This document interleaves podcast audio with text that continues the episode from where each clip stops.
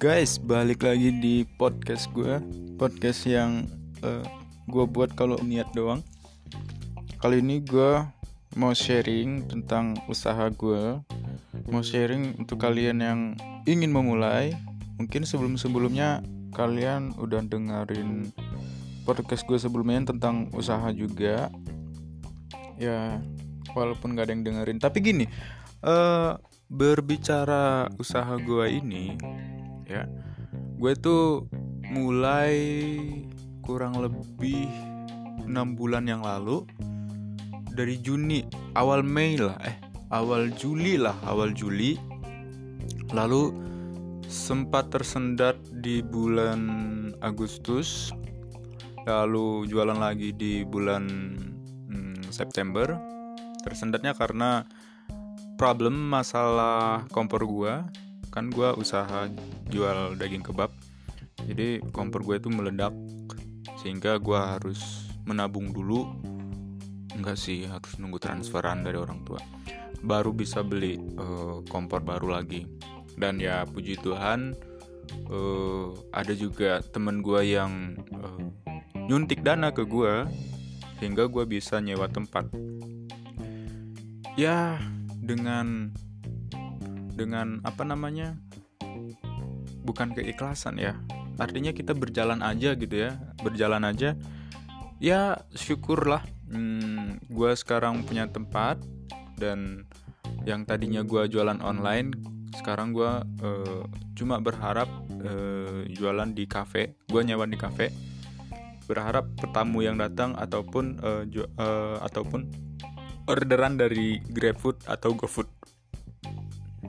Nah, untuk kalian yang ingin memulai usaha dengan minim budget atau uh, biaya yang sangat-sangat kecil, gue saranin sih kalian harus uh, apa namanya? membuat sebuah pemikiran uh, bagaimana uh, menjual dan menghasilkan sebuah produk dengan biaya biaya yang sedikit atau seminim mungkin. Contohnya eh, makanan. Eh, kalian bisa membuat makanan seperti apa namanya? kue-kue gitu ya eh, atau jajan-jajanan. Nah, kalau kalian misalnya beli dari orang lain lalu kalian jual lagi, itu namanya bukan bisnis. Uh, ya kalau misalnya udah gede sih bisa lah dibilang bisnis tapi kalau seperti itu ya kecil-kecilan hmm, dagang dagang. Dan itu uh, eh, gue tidak terlalu suka dengan dengan ruang lingkup seperti itu karena gue ngerasa uh, tidak adanya kreativitas. Kita hanya kreativitas dengan relasi. Artinya ketika kita mempunyai banyak teman mungkin ya uh, kita bisa beli dari orang lain lalu kita jual lain lagi. Hmm, gue secara pribadi sangat mendukung bagi mereka yang mempunyai kreativitas tinggi dengan tidak tidak plagiat artinya tidak mencontek produk orang lain namun membuat produk sendiri. Uh, bukan hanya makanan sih uh, kalian bisa juga seperti membuat uh, apa namanya tali sepatu mungkin atau kalian jago desain kalian bisa membuka usaha jasa desain video foto atau apa pun itu.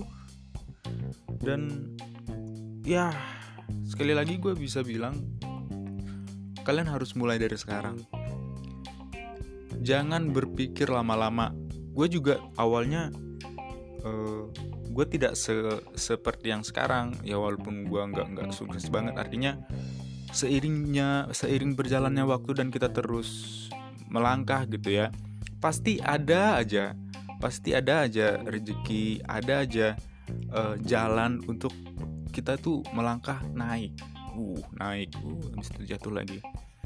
Nah harus jatuh. Kalau nggak jatuh uh, kalian tidak akan kebal. Ibarat kita melatih otot gitu ya nggak mungkin kan e, melatih otot itu nggak ada rasa sakit pasti ada rasa sakit. Dan itu harus kita tahan. Dan itu harus kita latih terus supaya otot itu berkembang dan kuat. Walaupun otot gue nggak nggak gede-gede banget. Nah itu doang sih yang mau gue share. Kalian harus mulai. Dan kalian jangan ragu. Jangan ragu. Dan kalian harus mempersiapkannya juga dengan dengan apa ya? Bukan dengan kecerdasan ya menurut gue tapi dengan kesiapan mental ya di bisnis itu mental yang paling diutamakan bukan karena kecerdasan. Karena di bisnis ini ini ya gue sharing aja ya di cafe gue sekarang itu uh, eh, gue cerita-cerita dengan tenan tetangga gitu ya yang nyewa juga. Jadi cafe ini ibarat food court atau pujasera yang cafe ini hanya menyediakan tempat dan penjual-penjualnya itu adalah merupakan tenan-tenan yang nyewa tempat gitu loh. Nah, jadi gue cerita-cerita terus salah satu bapak ini curhat bahwasanya uh, ada satu botol dagangannya gitu hilang dan dia nggak tahu mau ngomong apa sama bosnya dan akhirnya dia ngomong bahwasanya botol minuman itu hilang. Dan bosnya nggak marah gitu bosnya nggak marah. Tapi dia kesel sendiri si bapak ini kesel sendiri karena uh, dia curiganya adalah pihak manajemen si cafe ini yang yang mengambil gitu loh. Dan kebetulan juga jadi kejadiannya itu adalah hari pertama gue masuk hari pertama gue jualan dan gue nyimpen barang atau bahan dagangan gue itu di kulkas. Dan ketika gue ingin memasukkan bahan ke kulkas itu gue ngelihat satu botol itu. Dan gue cerita nih ke bapak ini memang waktu itu pak hari itu saya juga ngelihat saya bilang. Oh yang benar katanya uh, botolnya itu agak gepeng-gepeng. Nah pokoknya uh, gue deskripsiin botol yang gue lihat dan setelah memastikan di Google dan gue bilang seperti ini botolnya dan ya bapak itu juga langsung berarti bener pihak manajemen yang yang mengambil. Nah dari dari uh, kisah bukan kisah anjing apa ya? Hmm, dari kasus seperti itu uh, itu kan bukan kecerdasan kan yang diinin tapi mental. Bagaimana kita menyikapi dalam situasi tersebut apakah kita langsung marah langsung membakar kafe itu gitu ya? Enggak enggak. Enggak boleh seperti itu. Kita harus kuat karena bahwasanya rezeki itu sudah ada yang mengatur. Jika kita tetap bertahan gitu ya. Dan ya ada juga sih gua uh, kasus uh, bukan sama tapi uh, ketika pembeli lupa. Mungkin lupa atau melupakan. Artinya ini ada pembeli ibu-ibu datang pengunjung tamu apa pengunjung kafe tamu kafe. Dia beli kebab gua gua kasih dia makan lahap sampai tangan-tangan itu dijilat-jilat itu itu gua perhatiin. Nah jadi kami kes, kan kami bersepakat nih antara tenan satu dengan yang lain ketika ada tamu ingin membayar walaupun produknya gua menunya gua dia bisa membayar di tenan yang lain nggak masalah.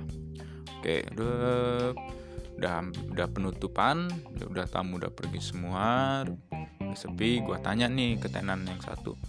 Pak uh, tadi uh, ingat nggak ibu-ibu yang yang berdua yang yang tadi agak telat kita ngasih menunya? Nah dia tuh bayar bayar menu saya nggak? Gua tanya gitu kan. Terus bapak ini bilang oh nggak ada tuh. Wah berarti bener. Berarti feeling gue bener maksud gue ya ibu itu eh, nggak uh, tahu lupa atau melupakan gitu ya. Mungkin melupakan. Tapi nggak masalah cuma satu menu doang. Dia beli cuma satu bungkus nggak masalah. Nah di situlah kembali lagi ke mental ketika kita menyi menyi menyikapi itu langsung marah mencari ibu itu satu kota Bandung ya. Nggak mungkin kan? Makanya itu mental itu harus kuat. Nggak harus pintar kalian. Nggak harus pintar nggak harus bodoh. Ya siapa juga yang membodoh artinya uh, mentalitas kita terhadap usaha itu memang harus kuat harus dilatih. Nah cara melatih itu mulai aja dulu berjalan aja dulu gitu. Apa pun masalahnya hadapin aja. Hadapin aja. Jangan lari dari masalah hadapin aja. Selesai nggak selesai hadapin. Hadapin. Nah jadi ya gue juga sekarang dalam kondisi yang bimbang gitu ya.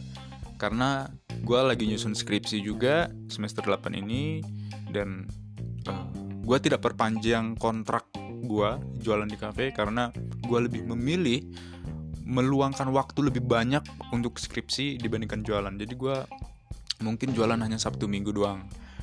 Nah seperti itu.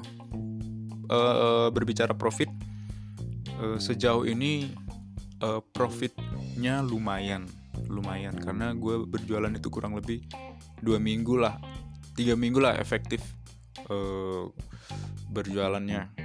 Karena dari hari Senin sampai Sabtu tuh gue nonstop jualan-jualan uh, tidak tidak rugi seperti sebelum-sebelumnya gitu. Nah, ya walaupun keadaan seperti ini, gue harus uh, memikirkan bagaimana supaya produk gue, usaha gue itu tidak mati gitu, tidak tidak tutup total gitu. Karena mungkin pelanggan-pelanggan yang di sana mencari, jadi ketika mereka mencari, gue selalu siap sedia ada gitu. Sekian dari pengalaman gue. Semoga memotivasi kalian untuk bisa usaha. Karena usaha itu mental lo.